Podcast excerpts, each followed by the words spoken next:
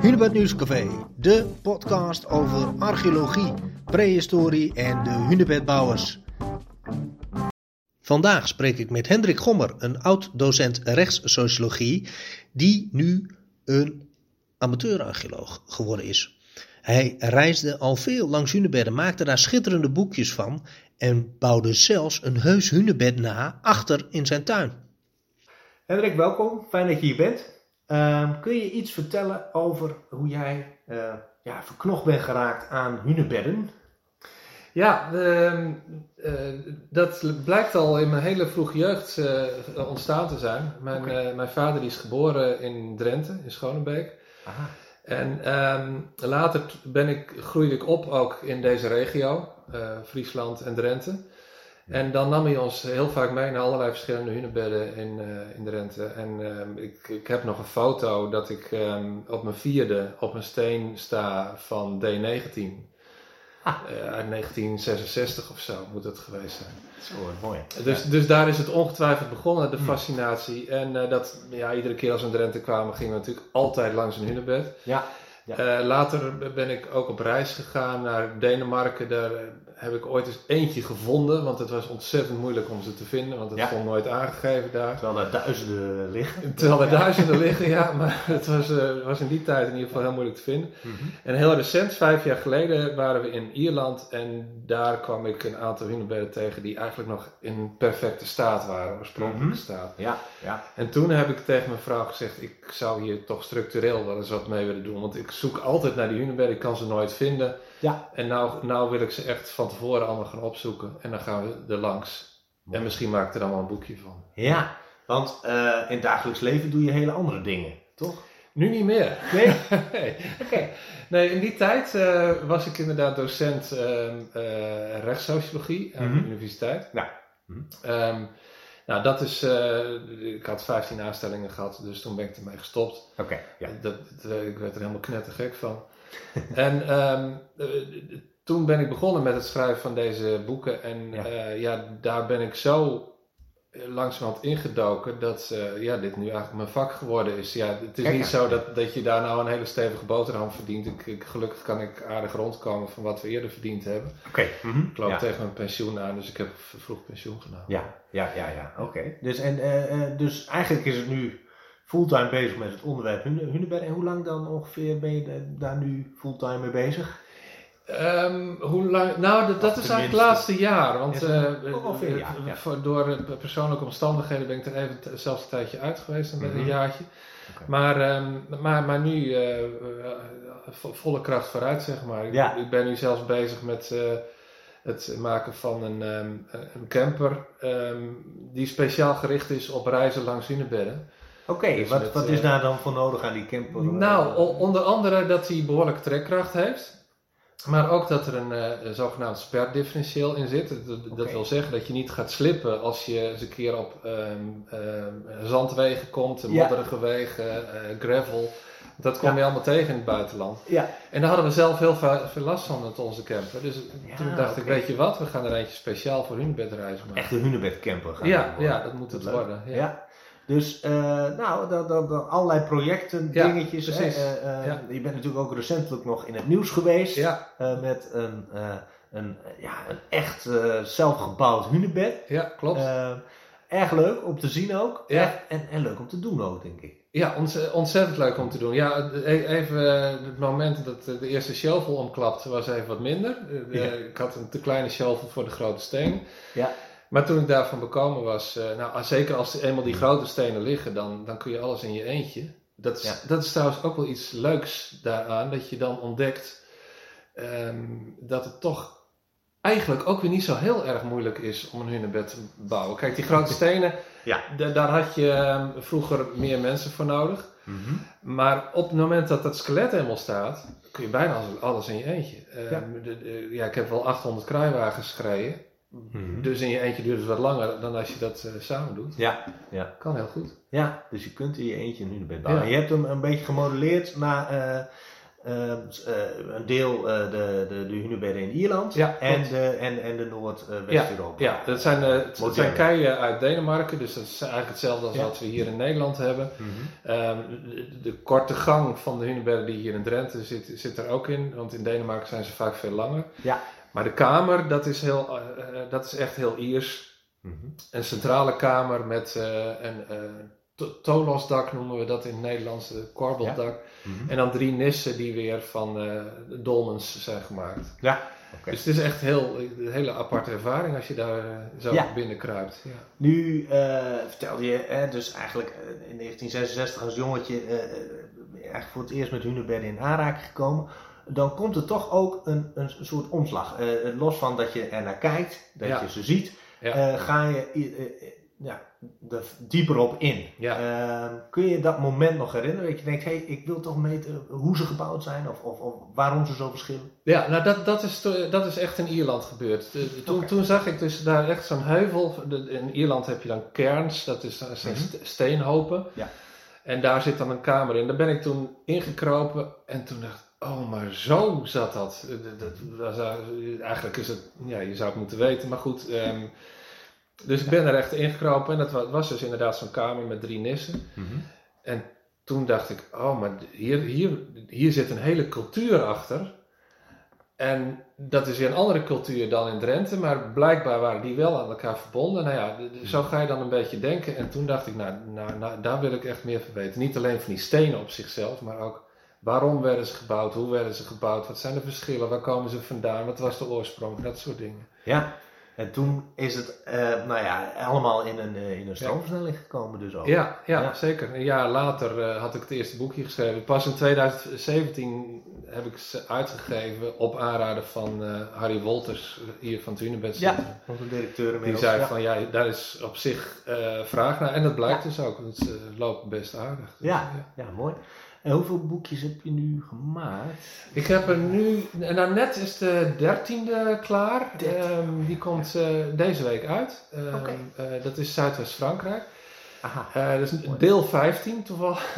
Want deel, deel 13 en 14 had ik deze zomer willen maken. Maar Oh, ja, door ja. de Ja. coronacrisis lukte Kom je het nergens? Nee. nee. Maar ehm, Frankrijk is dus wel gelukt. Ja. Ja. Ehm, nu eh, is het misschien leuk om even eh, naar eh, het grootste hunebed hier vlakbij te gaan in onze gedachten.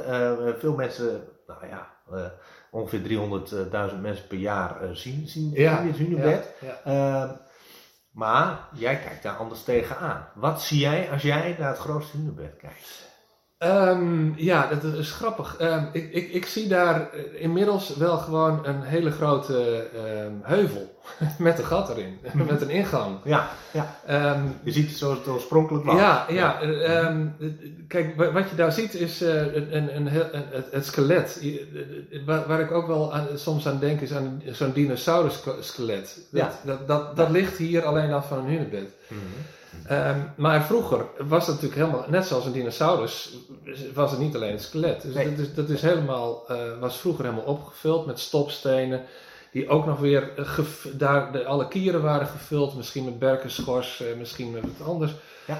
Ehm, nou, daar lag vervolgens een heuvel overheen. En het gevolg was dat je daar dus een behoorlijk grote ingang had. Met die uitkwam op een enorme grote kamer in de breedte.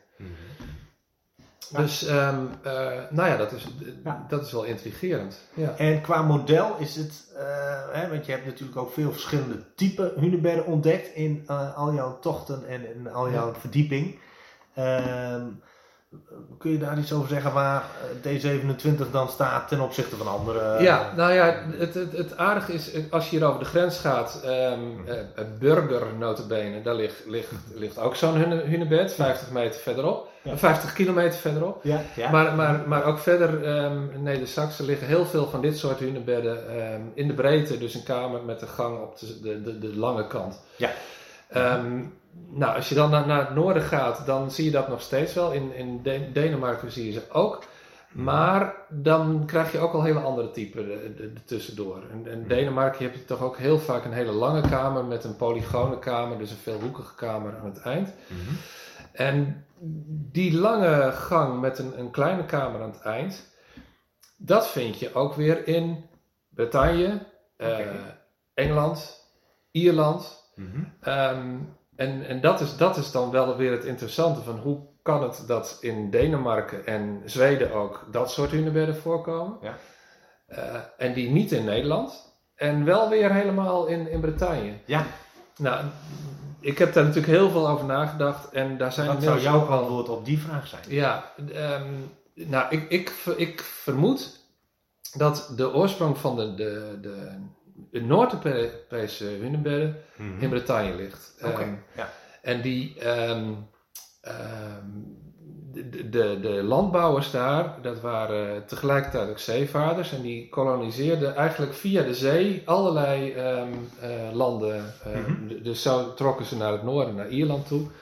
Maar ze ja. trokken ook via het kanaal richting Denemarken. Niet Nederland, want dat was waarschijnlijk heel drassig. Mm -hmm. Moeilijk aanleggen.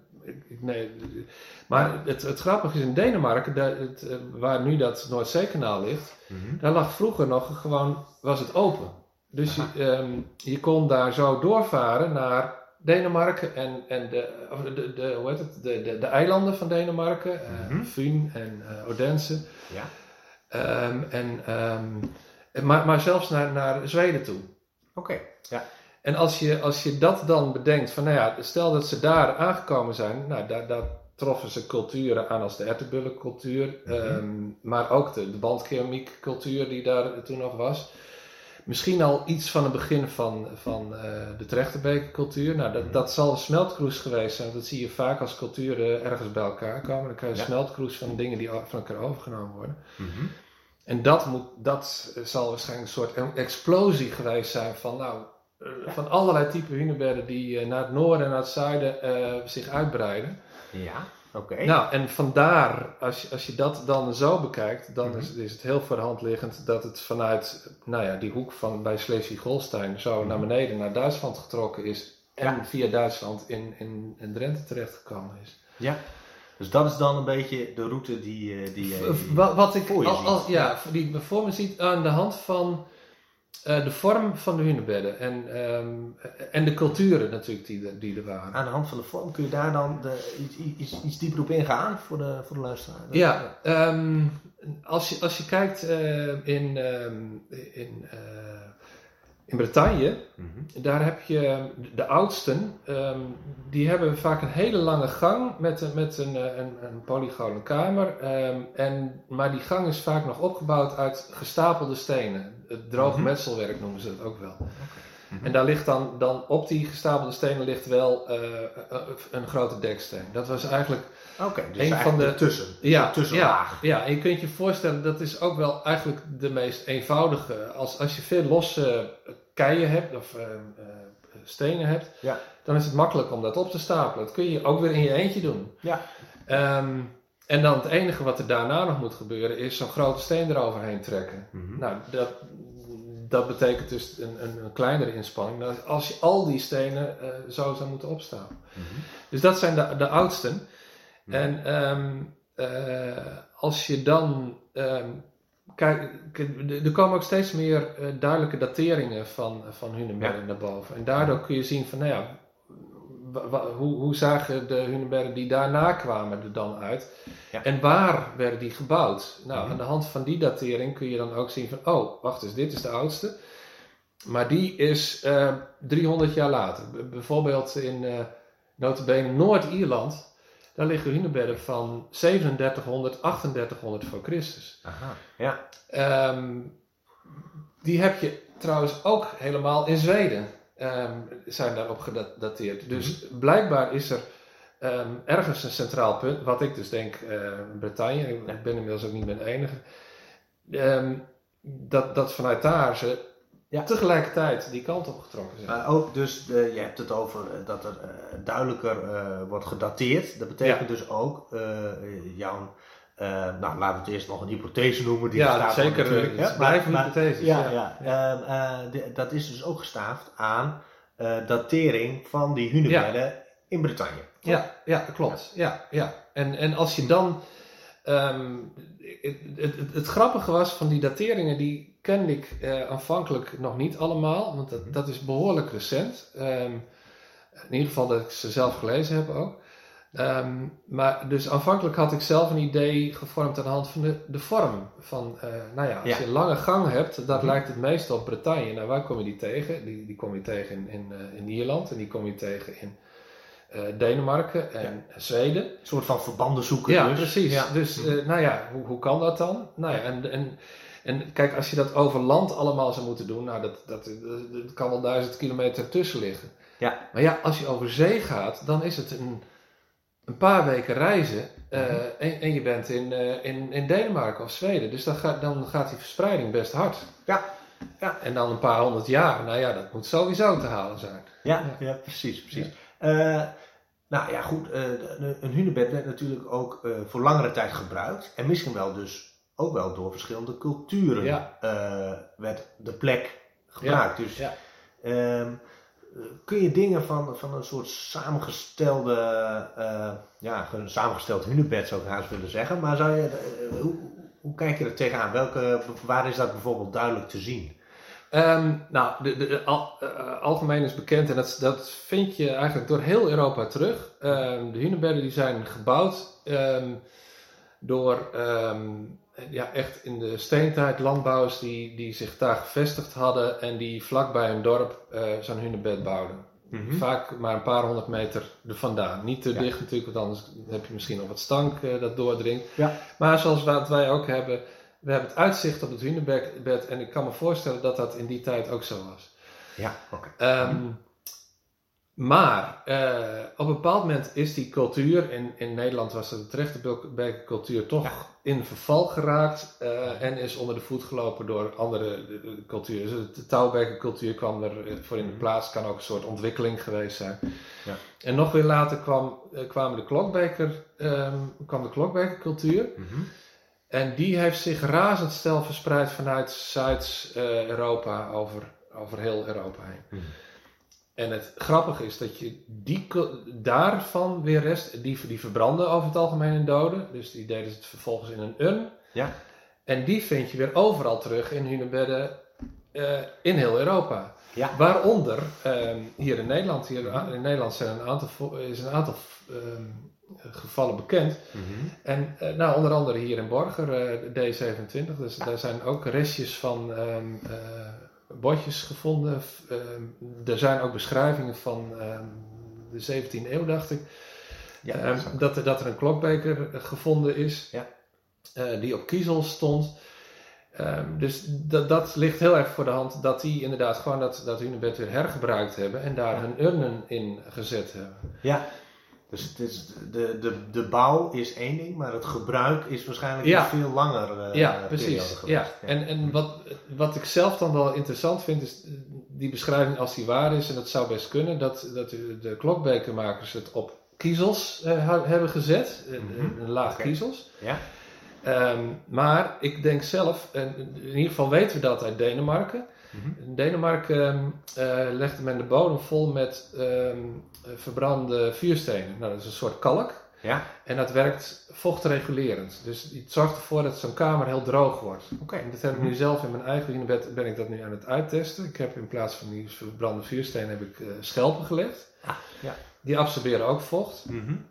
Want zo'n kamer op zich is, is behoorlijk vochtig. Maar ik merk nu al, ik heb het twee weken geleden erin gelegd, dat die kamer veel droger wordt. Oké. Ehm, en je kunt je voorstellen dat als je ehm, een lijk in zo'n hunebed legt Ja. en het is vochtig, nou ja, dat ga- gaat stinken en dat eh, gaat rotten. En, eh, dat... Maar als het een droge kamer is, dan gaat zo'n lijk eerder indrogen. Mhm. Waardoor je veel minder stank hebt, waardoor het veel langer ehm, eh, herkenbaar is Ja, tussen aanhalingstekens Ja, is, waardoor het veel meer de rol kan blijven eh, vervullen van een voorouder waar je raad kunt vragen. Ja. Du- dus, dus er zijn ook in, in, ehm, in Zweden, dacht ik, of, ehm, de- de- ook, ook, is er ook kalk gevonden. Misschien is het wel schelpkalk geweest. Dat was Ja. vaak natuurlijk bij de zee. Dat kun je nu, Bij water en bij dat, zee, als ja, dat ja. uit elkaar valt, die schelpen, dan hou je kalk over. Ja, ja. Ehm, maar of dat in, in Drenthe geweest zo, zo is geweest, dat weet ik niet. Ik heb wel eens gezegd van al die scherven die we hier in, de, in sommige hunebedden gevonden hebben. Ja. Was dat nou echt voor doden of was dat gewoon keramiek wat, eh, wat kapot was en wat, ma- waar men de bodem mee... Een eh, vloer van werd gemaakt. ja, precies. dat zou natuurlijk ook. Want keramiek, Ja. dat, dat absorbeert natuurlijk ook weer wat eh, vocht. Dus Ja. dan zou dat, we hadden hier natuurlijk geen, ehm, niet veel schelpen hier in Drenthe vermoeden. Nee, veel grote stenen in plaats van kiezeltjes. Ja, precies. Ja. Nou ja, zo ben je wat aan het fantaseren. Ik probeer het wel logisch en kloppend te houden. En als er, Ja. eh, in het begin dacht ik van het zijn gewoon allemaal tempels. Ehm, eh, en, want er zijn nooit eh, eh, skeletten gevonden hier. Dus ehm, het kunnen Ja. net zo goed tempels geweest zijn. Ja. Maar goed, daar ben ik inmiddels wel van teruggekomen. Want overal in Europa zijn er ehm, skeletten gevonden. Dus daar kun je gewoon niet aan ontkomen. Nee, dat is waar. Maar wa- waarschijnlijk wel plaatsen van vooroude verering. Want dat had je wel heel veel in oude landbouwculturen. Nu hebben we al heel veel besproken over Ja. eigenlijk eh, eh, eh, nou, veel onderwerpen waar jij ook nou ja, de kennis over deelt. Niet, niet alleen in deze podcast, maar je doet ook andere dingen. Je verzorgt lezingen, onder Ja. andere voor het Hunebed Centrum. Ja, ja. Kun je daar even kort iets over vertellen? Wanneer is het? Wat is... Ja, ehm, de, de Volgende lezing is ehm, eh, eind januari. Oh, ik weet even de, de datum niet. Ehm 21 januari Ja, geloof ik. Ja, 21 jaar. Ja. Ja. en de volgende is dan op 14 maart. Mhm. Ehm, nou, dat gaat dus ook over ehm, eh, de oorsprong en de verspreiding. Ehm, de, de- ik, heb eerder lezingen gegeven echt over nou ja, de reis die ik gemaakt had. Toen, toen wist ik Ja. nog niet zoveel hoe de verbanden waren. Het was ook, Mhm. ook leuk om te zien van dat je überhaupt in andere landen hunebedden hebt. Zeker. Maar deze le- lezing wil ik dan toch meer daarop richten en dan voorbeelden laten zien uit, eh, uit de verschillende landen.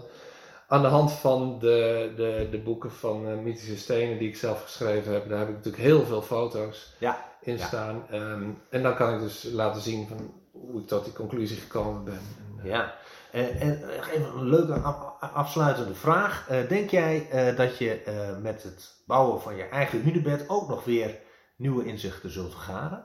ja, eh, nou dat heb ik. Dat Dat heb je misschien ook al? Ja, dat heb ik al. Ehm, nou ja, allereerst dus dat, dat je ehm, eh, als eenmaal dat skelet staat ehm, Ja. eh, en die stenen zijn zwaar. Eh, ik heb, wij hebben zelf stenen van 1500 kilo ongeveer gebruikt, 1500 tot 2000 kilo. Dat is nog wel heel wat anders dan die de multitonners die, eh, hier ja. liggen Ja.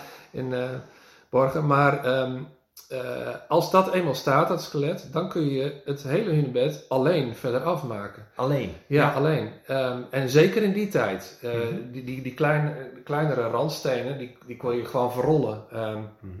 eh, de grotere misschien met z'n tweeën. Maar ehm, Ja. ik, ik kon zelf al behoorlijk grote randstenen verrollen en dan toch op, op zijn plaats trekken. Ehm, dus dat, dat is één. Ehm, je hebt daar geen 200 mensen voor nodig. Eh, Nee. de, de grotere misschien wel, maar dat, dat heeft een, dan kun je eigenlijk ook, ook uit de grootte van zo'n hunebed kun je afleiden van wat, hoe groot de gemeenschap ongeveer geweest is die Ja. daarmee bezig geweest is. En, Ja. een, een gemeenschap van, van, van, van 30 mensen kan een klein hunebedje bouwen. Mhm. voor, voor zo'n grootte als hier in Borgen ligt, heb je er waarschijnlijk 100, 150 nodig. Ja. ja. Nou ja, dat is dus- alvast een nieuw inzicht. ja, je dat is een nieuw inzicht. Doordat eh, je zelf daar bezig was, dat je denkt, ja, ik Ja. kan dit eigenlijk precies. nu vanaf hier wel alleen. Ja. Ja, ja en, die, en die schelpen natuurlijk die Ja. ik eh, nu eh, aan het uittesten ben of die, die hypothese eh, inderdaad Klopt. klopt. Ja. Dat, dat zo'n een kamer dan droog en minder vochtige... Ja, precies. Ja. Dit was alweer een podcast van het Hunebed Nieuwscafé. Bedankt voor het luisteren. Heb je nu vragen of een tip voor een mooi onderwerp? Mail dat er even naar mij naar gklompmaker.hunebedcentrum.nl En vergeet niet, elke woensdag weer twee nieuwe episodes.